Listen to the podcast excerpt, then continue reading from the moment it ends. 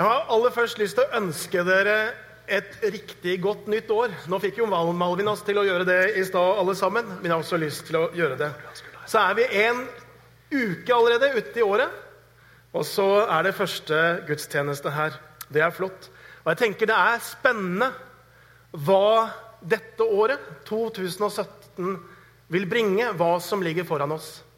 Og så har vi oppdaga det at forandringer det skjer veldig fort. Det så vi i 2016. Politiske overraskelser som ingen trodde var mulig. Økonomiske ting som, som vender og snur seg.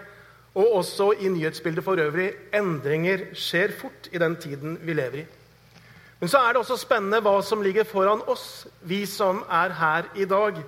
Du og jeg, men også denne menigheten her. Hva ligger foran oss dette året? Årsskiftetider det er sånne tider til tilbakeblikk.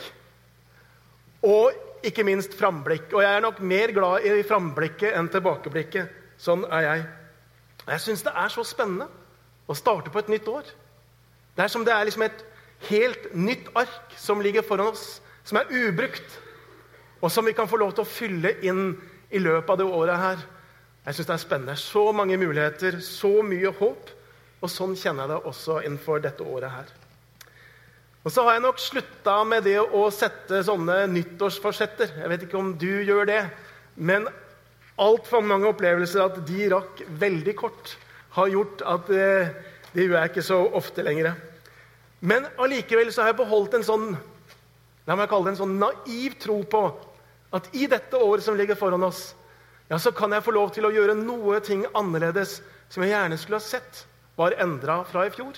En sånn naiv tro på at dette året ja, så kan jeg prioritere litt annerledes. Ta noen andre valg, sånn at dette året blir noen bedre på noen av de punktene. At før året er omme, så ser jeg noen endringer. Og det er det også som er litt av det vi skal snakke om i dag. Vi har valgt å starte dette året her i kirken med en taleserie eh, på våre gudstjenester ut ifra første Samuels bok. Eh, og det er på en måte Første Samuels bok er den første delen av Samuelsboka. Og I vår bibel er den delt i to, i første og andre. Og så finner vi i Første Samuels bok beretninger fra Israels historie langt, langt tilbake i tid. Eh, vi snakker om 1100 år før Kristus. Så disse historiene vi skal dele i de to første månedene i 2017, det handler om gamle tider. Og så er det sånn at noe av det vi skal se på, det er disse vendepunktene i livet. Sånn som også Malvin nevnte. At noen ganger så møter vi disse stedene i livet, disse veikryssene. Og så tar vi til høyre eller venstre. Og så får det noen ganger små konsekvenser, men noen ganger så får det store konsekvenser, de der veivalgene. Noen ganger til det gode, men noen ganger også til det som ikke er så bra. Og sånn er det også i Samuels bok. Vi skal ta noen beretninger som kanskje ikke er de aller mest kjente. For i første Samuels bok så har du noen av de der virkelig kjente søndagsskoleberetningene. De finner du der. Eh, om Samuel, gutten som hører Herrens stemme.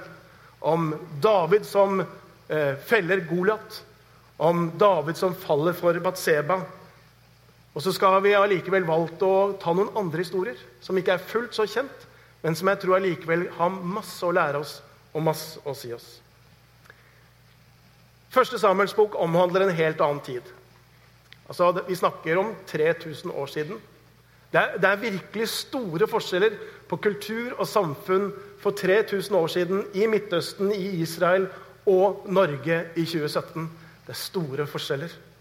Teknologien er ganske annerledes. Vet ikke helt hva som var high-tech den gangen, men det var ikke iPhone 7 osv. Det var noe helt annet. Ikke sant? Bronse, kanskje. Så teknologien var annerledes. Men det som overrasker meg når jeg leser disse tekstene, det er jo det at ja, det var mye som var annerledes. Og allikevel så er det noe inni oss som er ganske likt. Ja, teknologien er annerledes, men jeg tenker, hva mennesker lengter etter, håper på, hvilke tilbøyeligheter de har, hva man fristes til, ja, der kan vi kjenne oss igjen. Mye er annerledes, men noe av menneskets hjerte det er allikevel det samme. Og Det er det vi har lyst til å se på gjennom disse ukene her. Og så skal vi gå til teksten for denne dagen. Det er 1. Samuels bok, kapittel 1. Og vi skal lese fra vers 1 til og med vers 20. Det er en ganske lang tekst, så det krever en del av dere å følge med. Dere får teksten på veggen. Og er, nå er det Malvin skal komme opp. Det er helt riktig.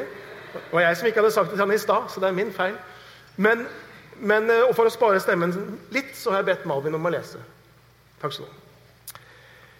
I i Efraimfjellene bodde en mann som het Elkana.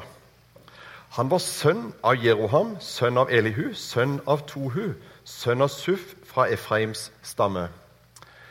Elkana hadde to koner. Den ene het Hanna, og den andre Penina. Penina hadde barn, men Hanna var barnløs.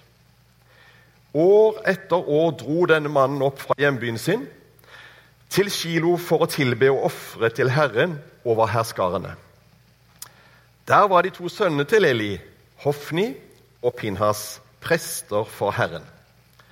Når Elkana holdt offermåltid, ga han sin kone Penina og alle sønnene og døtrene hennes hvert sitt stykke for kjøttet. Men Hanna ga han dobbelt så mye. For det var Hanna han elsket, enda Herren hadde lukket hennes mors liv. Men medhustruen som var imot henne, terget henne stadig og ville gjøre henne motløs fordi Herren hadde lukket hennes mors liv. Slik gikk det år etter år. Hver gang Hanna dro opp til Herrens hus, terget Penina henne. Da gråt hun og ville ikke spise. Men Elkan, mannen hennes, sa til henne, 'Hvorfor gråter du, Hanna? Hvorfor spiser du ikke?' Hvorfor er ditt hjerte så fullt av sorg? Er ikke jeg mer for deg enn ti sønner?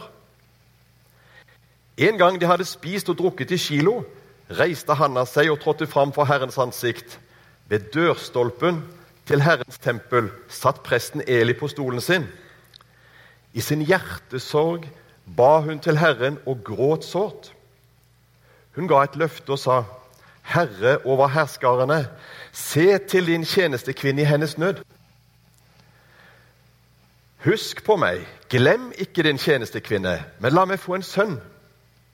Så vil jeg gi ham til Herren for hele hans levetid, og det skal aldri komme rakekniv på hans hode. Slik ba Hanna lenge for Herrens ansikt, og Eli fulgte munnen hennes med øynene. For Hanna ba stille i sitt hjerte. Bare leppene hennes rørte seg, men stemmen hørtes ikke. Derfor trodde Eli at hun var full. Og han sa til henne, 'Hvor lenge skal du vise deg full?' 'Se til å få rusen av deg.' 'Nei, herre', svarte Hanna, 'jeg er en kvinne som bærer på en tung sorg.' 'Vin eller annet sterkt drikk har jeg ikke drukket.' 'Men jeg har tømt mitt hjerte for Herrens ansikt.' 'Hold ikke din tjenestekvinne for en dårlig kvinne.' For hele tiden talte jeg ut av min store sorg og smerte. Da sa Eli, gå i fred. Israels Gud skal gi deg det du har bedt ham om. Hanna svarte, måtte du se med velvilje på din tjenestekvinne. Så gikk hun sin vei, spiste og var ikke lenger så sorgfull. Neste morgen sto de tidlig opp og tilba Herren. Så ga de seg på hjemvei og kom til Rama. Og da Elkana igjen var sammen med sin kone, husket Herren på henne. Før året var omme, ble hun med barn og fødte en sønn. Hun kalte ham Samuel, for jeg har bedt Herren om ham, sa hun.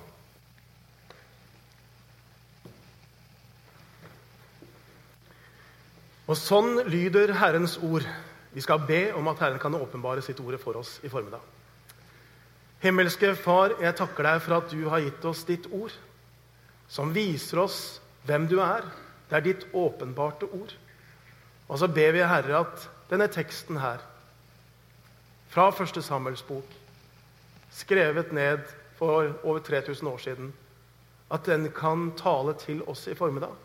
At det kan bli liv i våre liv, og at det kan være ord som bærer god frukt, Herre.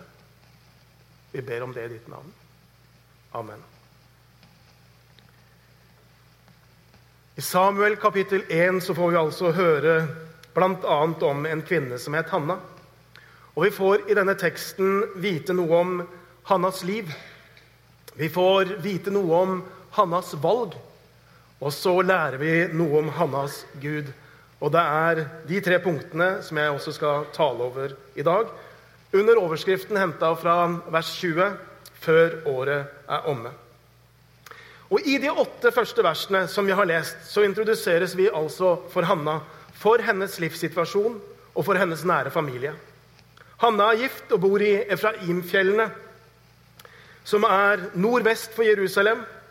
Ramatayam Sufim, som landsbyen het, er for øvrig den samme landsbyen som heter Aritamea i Det nye testamentet. Hanna er gift med Elkana, og det er jo bra. Det som ikke er fullt så bra, det er at, og som kompliserer det hele, det er jo at Elkana har en kone til, en medhustru, som het Penina. Og det er mye som er bra i Hanna sitt liv. Hun har en ektemann, Elkana. Og når vi leser denne teksten, så får vi i hvert fall et inntrykk av at Elkana er en god mann, som elsker henne, som setter henne høyt. Og det, da er hun jo heldig. Det var ingen selvfølge i disse dagene heller. Elkana er også en gudfryktig mann, og vi hører at han regelmessig drar til Kilo for å ofre og for å be. Om hun er rik, vet vi ikke, men vi skjønner at hun ikke i hvert fall kan være veldig fattig. Hun har hus å bo i, hun har mat på bordet, og hun har mulighet og råd sammen med familien til å reise til Kilo i hvert fall én gang i året. Så det er mye som er bra. Men Hanna bærer på en stor sorg, en nød, en smerte. Hun har ikke lykkes å bli mor. Hun var barnløs. Til tross for at hun har venta og lengta og håpet, så har hun ikke lykkes å bli gravid. Barn har uteblitt. Det å ikke bli mamma eller pappa når man ønsker og lengter etter det, det er vondt. Også for de som opplever det i dag. Og jeg har fulgt nok ufrivillig barnløse til å skjønne noe om den smerten som det er. Håp som brister igjen og igjen. Tomheten, savnet, fortvilelsen. Men så tenker jeg om, om mulig så var det enda verre for Hanna. For det å bli mor, eller det å være mor i denne tiden her, det var det som ga en kvinne sosial verdi. Det var det som gjorde, gav henne betydning. Ble hun ikke med barn, ja, så hadde du svikta som kvinne. I den jødiske tenkningen på denne tiden så var det en kvinne som var barnløs, det var en legal skilsmissegrunn. Mannen kunne kvitte seg med henne. Å ha mange barn, det var viktig. Det betydde arbeidskraft på gården, på bruket. Det betydde bedre økonomi. Og I tillegg så var det barn som var pensjonsforsikringen. Det var ikke noe sikkerhetsnett i samfunnet på den tiden der. Hadde du ingen etter deg som kunne ta vare på deg når du ble pensjonist, ja, så var du veldig dårlig ute. Og fordi barn ble sett på som en Guds velsignelse, og det er det, så var det også lett for folk å tenke at de som ikke ble med barn, ja, så var det fordi at de hadde gjort et eller annet mot Gud. De hadde synda, de hadde svikta, slik at barnløshet også ble stett på straff fra Gud. Så mange barn for Hanna ville betydd status, respekt, ære, trygghet, sikra alderdom. Men det å forbli barnløs var på den andre måten eller andre siden forbundet med en usikker framtid. Hun visste ikke hvem som skulle ta vare på henne når hun ble gammel, og om Elkana skulle dø. Hun kjente at hun ble sett ned på omgivelsene. Og hun kjente helt sikkert på skam og opplevelse av å være mislykka og svikta. Og så blir det jo ikke lettere for Hanna at det er en annen kvinne der. Elkanas medhustru. En rival som har mange barn, sønner og døtre. Og så benytter også Peninna alle muligheter for å trykke Hanna ned og minne henne på dette faktumet at hun er barnløs terger henne, står det. For å gjøre henne motløs, sto det også. Hun vet alle de der såre punktene, og så setter hun fingeren rett i det gang etter gang etter gang. Så tenker jeg når jeg leste dette Ja, Det er egentlig lite som er forandra. Ja, det er lite som er forandra. Så infernalske vi mennesker kan være mot hverandre. Selv i en familie, kanskje til og med selv rundt et middagsbord i julehøytiden, så er noen der og setter fingeren akkurat på det såre punktet. Søsken kan gjøre det mot søsken. I alle aldre. Foreldre mot barn, barn mot foreldre. Trykke på akkurat det punktet som vi vet det er så utrolig vondt. Sånn er vi mennesker fortsatt. Hva er det vi sier? Egen lykke er bra, men andres ulykke er heller ikke å forakte. Spøker vi. Ja, det er noe i det der. Og Peninna, hun solte seg i Hannas ulykke. Jeg er sikker på Det var som hun kjente at hun vokste. For hver gang hun kunne stikke fingeren i det åpne såret i Hanna sitt liv. Hannas familie har denne årlige tradisjonen, slik som helt sikkert mange andre familier også hadde. Hvert år så dro Elkana, Peninna, Hanna, barn opp til Shilo for å be. Ca. tre mil nord for Jerusalem. Det var der tabernaklet Eh, var plassert etter at de kom inn fra Egypt til det lovede landet. Så var det der tabernaklet ble stående. Var der paktens ark var. Det var det religiøse sentrumet i Israel før Jerusalem ble det, som vi vil høre om litt senere i første Samuels bok. Der var det de valfarta og hadde høytid. De ofra og ba. Og I teksten så hører vi at nok en gang var familien i Shilo. Og Peninna fortsetter å kjøre sitt opplegg trykker på alle de punktene, setter fingeren rett inn i såret for å terge, for å gjøre henne motløs.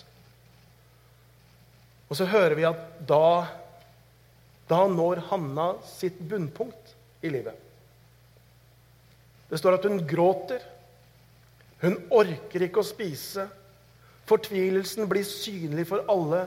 Hun klarer ikke å holde maska, klarer ikke å holde det tilbake. Og så bryter hun sammen, og så er hun på sitt livs bunnpunkt.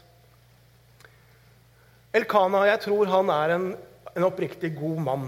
Han virker å være glad i Hanna. Han passet på å gi henne ekstra kjøtt, fordi det var han, det var henne han holdt av på en spesiell måte. Og så kan man jo lure på om det er det beste han kan gjøre. Hvis det er en sånn rivalisering mellom Peninna og Hanna, at han forfordeler Hanna. Det er jeg ikke sikker på. Men når han ser Hannas tårer, ser hennes fortvilelse, så sier han følgende.: Hvorfor er ditt hjerte så fullt av sorg? Er ikke jeg mer verdt enn ti sønner? Og Jeg tenker han skal ha for forsøket. Men det er ikke sikkert det er så mye trøst og hjelp i det.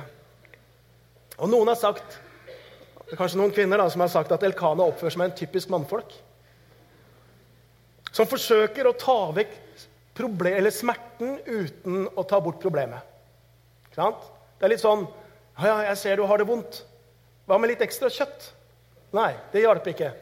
Ikke sant? Og så tenker han at ja, men du har jo meg. Meg!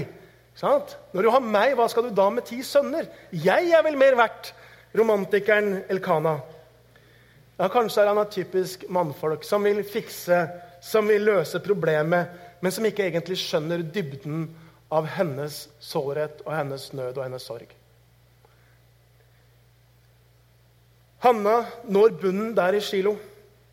Det som skulle ha vært en religiøs og en familiehøytid, kanskje sammenligna med vår jul, blir en gedigen nedtur. Bunnen faller ut av Hanna sitt liv.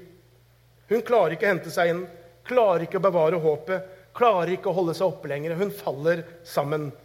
Tårene flommer, og hun klarer ikke å ta til seg næring lenger.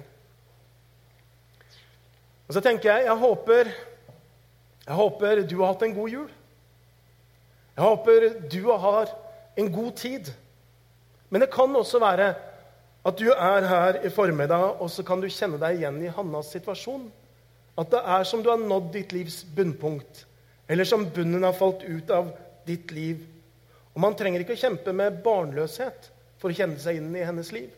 Det kan være at man ikke klarer å leve opp til det man føler er forventa av samfunnet rundt seg. At man ikke er vellykka på den samme måten som omgivelsene er. Eller kanskje opplevd at det er noen der, eller folk eller noen nære, som en opplever de ser ned på meg. De respekterer meg ikke. Det kan være en opplevelse av en skamfølelse som vokser som en mørk klump i magen. Håpløshet ved at man har forsøkt så mange ganger at det skal bli annerledes. Så blir det aldri annerledes. Hva gjør vi da? Hva gjør du da? Vi har kommet til vers 9 i teksten. Og dette verset representerer, tenker jeg, vendepunktet i fortellingen og vendepunktet i Hanna sitt liv. Det står følgende En gang de hadde spist og drukket i Shilo, reiste Hanna seg og trådte fram for Herren. Det står her at Hanna reiste seg. Hun reiste seg. Og Dette ordet 'reiste seg' her, det betyr noe mye mer enn å gå fra sittende posisjon til stående. Det betyr at hun reiste seg som menneske. Hun tok et valg om ikke å forbli et offer. Om ikke å på en måte la situasjonen bare lamme henne og gi opp. Om ikke å ende opp i en sånn pøl av mørk bitterhet. At alt er mot henne. Om ikke å bli dominert av tingenes tilstand. Men ta tak i eget liv. Gjøre noe med sin situasjon. Gjøre noe med måten hun tenker på og forholder seg til livet på. Hun reiser seg. Det er flott. Hva er det hun gjør? Og så kunne vi jo tenkt at jo, det hun gjør, er på en måte å bestemme seg for å være sterk. Eller ta seg sammen. Eller prøve enda hardere. Eller prøve en gang til. Men så sier teksten vår at det er ikke det som er hennes valg. Og Det tenker jeg det er noe av det viktigste i denne teksten. her. Hva er det hun velger? Og det står det i vers 10. Og Vi kan lese fra vers 9. En gang de hadde spist og drukket i Shilo, reiste Hanna seg og trådte innenfor Herrens ansikt. Ja, Det er det som er hennes valg. Det er det hun bestemmer seg for. Det er den måten hun tar tak i sitt eget liv. Så står det i vers 10.: I sin hjertesorg ba hun til Herren og gråt sårt. Så der på bunnen, i sin fortvilelse, i sin hjertesorg, så velger hun dette å tre inn i Herrens nærhet. Gå Herren i møte. Hun hadde ikke noe å vise til. Hun var på bånn. Men hun øser ut sitt hjerte, legger framfor Gud hele sin nød, all sin bekymring. Jeg tenker Hanna er et nydelig eksempel på dette. Å kunne venne seg til Gud der hvor man ikke har noen ting å vise til. Hvor på en måte håpet er menneskelig sett ute for henne. Og På mange måter så lever jo Hanna her ut Paulus sine ord i Filipperne 4, 1100 år før de er skrevet. Det står i Filipperne 4.: Vær ikke bekymret for noe, men legg alt dere har på hjertet, framfor Gud. Be og kall på Han med takk. Det sier Paulus. Og jeg tenker Det er det Hanna gjør i denne teksten. her. Bønner det kan jo være så forskjellig. Og du har sikkert hørt nok bønner til å høre at det er mange ulike bønner. Noen ber jo så vakkert at det er jo som lyrikk. Det er som et dikt. Det er som en salme. Og sånn er bønner noen ganger. Men noen ganger så er bønner bare dette ordløse sukket, som på en måte bare er hjelp. Hannas bønn er prega av hennes situasjon og hvor vanskelig hun har det. Det står at hun deler sin hjertesorg med Herren. Det står at hun gråter. Det står at hun ba lenge. Det var mye som skulle ut. Det er på en måte noe av hennes bønn. Og jeg tenker Hanna viser oss her den hjelpeløses bønn. Den som ikke har på en måte noe annet. Den hjelpeløses bønn. Og Når vi kommer til Herren, så er det ikke de fine ordene det handler om. Det er ikke at vi liksom klarer å prestere en sånn vakker bønn. Men Herren han ser vårt hjerte, han ser vår hjelpeløshet, han ser vår situasjon. Og så er det det han ser. Ole Hallesby har sikkert de fleste av dere hørt om. Han har bl.a. skrevet en bok om bønn som heter 'Fra bønnens verden'. Som er oversatt til ja, nær 40 språk, og som regnes som en av de store klassikere om bønn. Den er vel verdt å lese om du ikke har gjort det. Og han sier noe i denne boken om den hjelpeløses bønn, som jeg har lyst til å lese. Han sier der Så vidt jeg forstår, er bønn egentlig innretta bare for de hjelpeløse. Den er de hjelpeløses siste utvei. Ja, i sannhet er den siste utvei. Vi prøver alt før vi endelig går bønnens vei. Ikke bare før omvendelsen er det slik. hele vårt kristenliv gjennom, er bønn vår siste utvei. Vel vet jeg at vi holder mange pene bønner, både privat og offentlig, uten at hjelpeløsheten driver oss. Men jeg er ikke sikker på at dette er bønn. Bønn og hjelpeløshet hører uløselig sammen. Det er visst bare den hjelpeløse som kan be. Om noen kjenner seg hjelpeløs i dag, så sier Hallesby videre noe. Hør, min venn. Din hjelpeløshet er din beste bønn. Den roper fra ditt hjerte inn til Guds hjerte, bedre enn alle ord og bønner. Han hører den fra første øyeblikk da hjelpeløsheten grep deg. Og han er i full aktivitet for å oppfylle din hjelpeløshet i bønn, nå som den gang. Nå sånn som den gangen når Hanna ba. Hanna, mor til Samuel, profeten, er et eksempel på nettopp denne type hjelpeløse bånd. Det skjer mange ting i denne teksten her. Eh, og Vi rekker ikke gå inn på alt. Det er jo bl.a. en snodig episode når denne presten Eli, som vi skal høre litt mer om neste gang, tror at Hanna er full og vi kasta henne ut av tempelet. Det er ikke bare bare å være prest, men eh, det får være grenser for å ikke følge helt med, tenker jeg. Men når Hanna forlater tempelet, så skjønner vi at noe har skjedd med henne der i bønn. I møte med Gud så er det noe som har blitt annerledes. Og det står sånn i vers 18.: Så gikk hun sin vei, spiste og var ikke lenger så sorgfull. Og Jeg syns det er flott at det står det her. Det var liksom ikke sånn 'nå var alt bra'. Men det står at noe hadde skjedd. Hun spiste, hun tok til seg næring. Så står det, så var hun ikke så sorgfull. Det var et nytt håp. Det var noen muligheter som fantes der. Det hadde skjedd noe med henne. Noe hadde snudd. Og Legg merke til at det snur ikke for Hanna når hun blir gravid, for det blir hun. Men det er ikke da det snur. Det snur der i møte med Herren i tabernaklet lenge før hun blir gravid. Og jeg tenker at Hun er et eksempel på Filipperne 4,6, på hvordan hun ba. Men jeg tenker at hun er også et eksempel på hvordan Gud lover å gi oss sin fred. Det står det i vers 7, Filipperne 4,6. Etter at eh, vi har blitt bedt om å legge alt fram for Herren i bønn, så står det Og Guds fred, som overgår all forstand, skal bevare deres hjerter og tanker i Kristus Jesus. Det fikk Hanna erfare der i tempelet. Hun fikk lov til å erfare Herrens fred på en helt ny måte. Og så var det der det skifta. Det var der det snudde. Og så skifter også fokus for Hanna. Det er det som er interessant. Fokuset for Hanna skifter i dette tempelet her. Hun vil fortsatt ha en sønn, og hun ber om det. Men hun sier samtidig Gud, til Gud, 'Om jeg får en sønn som du gir meg, vet du hva? Da vil jeg gi han tilbake til deg.' Da vil jeg gi han tilbake til deg. Hun sier, hun ga et løfte og sa, 'Herre over herskarene, se til din tjenestekvinne i hennes nød.' 'Husk på meg, glem ikke din tjenestekvinne, men la meg få en sønn.' 'Så vil jeg gi ham til Herren for hele hans levetid.' og det skal aldri komme rakkniv på hans hode. Barnet som skulle gi henne respekt, som skulle på en måte trygge hennes økonomiske framtid, som skulle trygge hennes alderdom. Barnet på en måte hun satte all sin lit til. Plutselig var hun der at hun sier, 'Vet du, jeg gir han tilbake til deg, Herre. Han skal være din.' Hva er det som har skjedd? Jo, Hanna har opplevd i Guds nærvær at hun trenger ikke en sønn så lenge hun har Gud.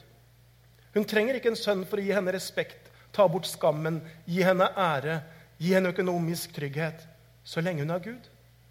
Og så blir tilliten til Gud det som hun lever videre på. Og så fikk hun en sønn. Det leser vi om også litt seinere, hvor det står før året er omme, ble hun med barn og fødte en sønn. Hun kalte han Samuel, for jeg har bedt Herren om han, sa hun. Og Samuel betyr 'Herren hører', eller 'Herren har hørt' så er det det hun fikk lov til å oppleve. Vi skal si litt om Hannas Gud, som jo også er vår Gud.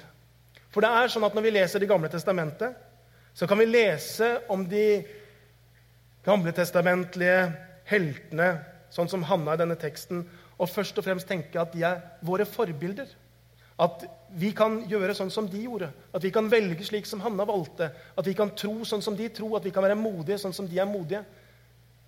Mens Det gamle testamentets viktigste oppgave er egentlig å åpenbare hvem Gud er. Og Det er det også vi ser i denne teksten her. Det gamle testamentet er først og fremst åpenbaring om Gud. Og I denne teksten så lærer vi mye om Guds omsorg. Helt konkret Guds omsorg for denne kvinnen her, som levde i Israel 1100 år før Kristus. Gud så henne, Gud hørte hennes bønn, Gud møtte henne i tabernaklet, Gud grep inn. Det er det denne teksten viser oss om. Og sånn er Gud også i dag. Som du kjenner deg igjen i Hanna sin situasjon, om du kjenner at der, der er jeg, ja, så ser Gud deg. Og så vet Gud akkurat hvordan du har det. Og så kan du få lov til å leve i den vissheten om at Gud ser og har omsorg for deg.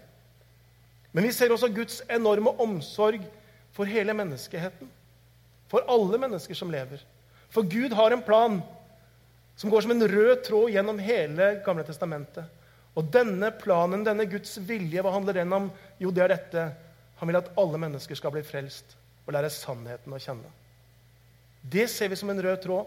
Adam, Abraham, Moses, David, Jesus. Det er Guds frelsesplan som går som en rød tråd. Han vil at alle mennesker skal bli frelst og lære sannheten å kjenne. Og i sin frelsesplan så bruker han helt vanlige mennesker.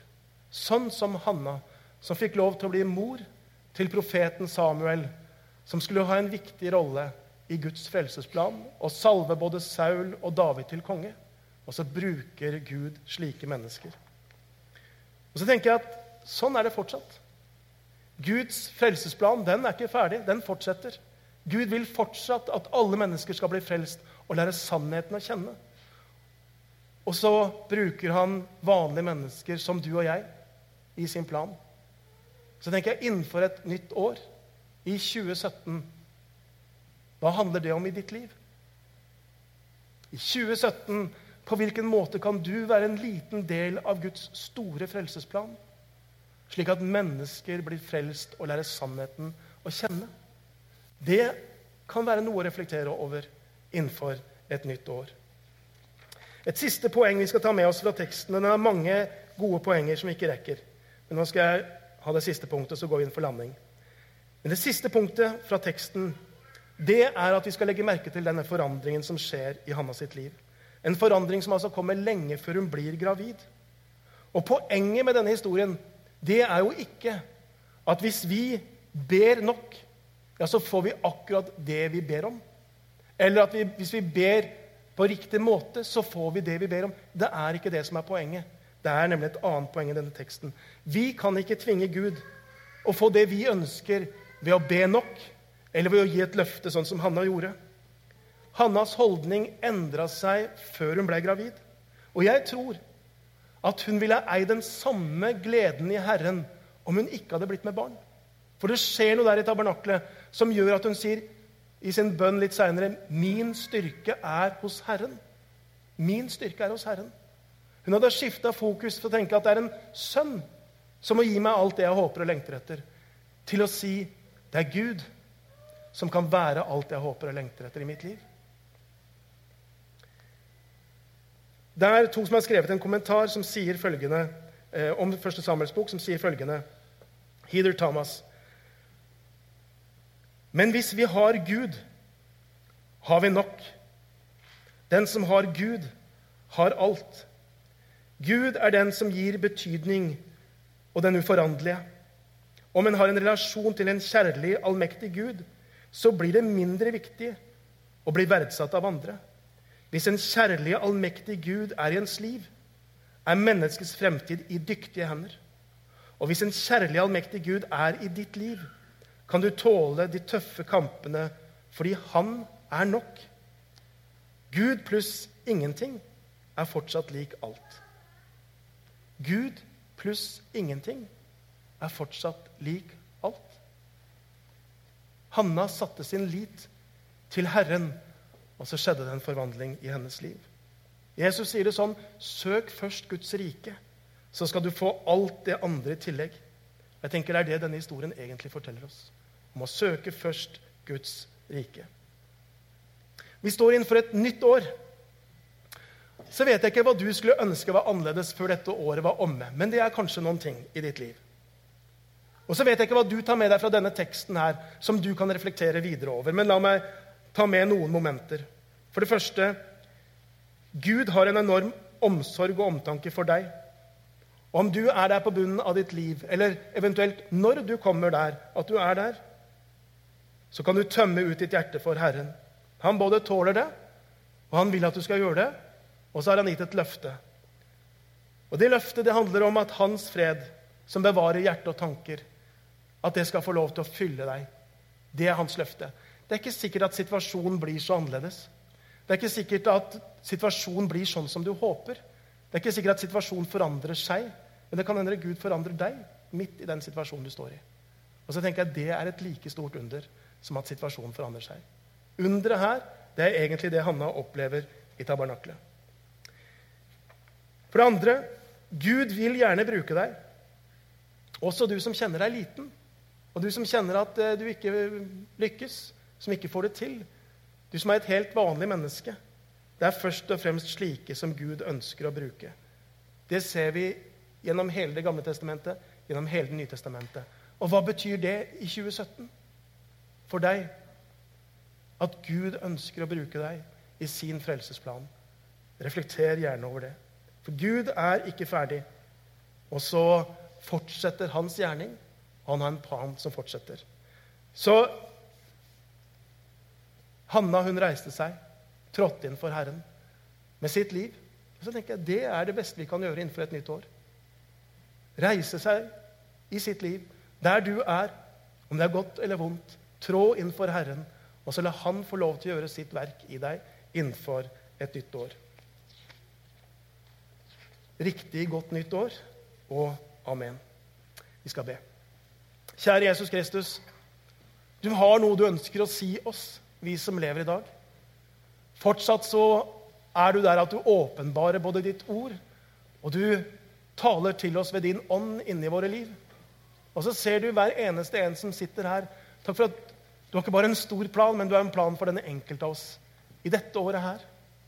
Du har noen ting som du ønsker å endre i våre liv i 2017, før året er omme. Og så har jeg lyst til å be at du skal tale til oss resten av denne gudstjenesten. Når vi skal feire nattvær sammen, Herre. Jeg ber om at du skal tale inn i våre liv innenfor et nytt år. Og så er vi spent hva som skal skje i våre liv, i vår menighet, i vårt samfunn, før dette året er omme. I ditt navn vi ber. Amen.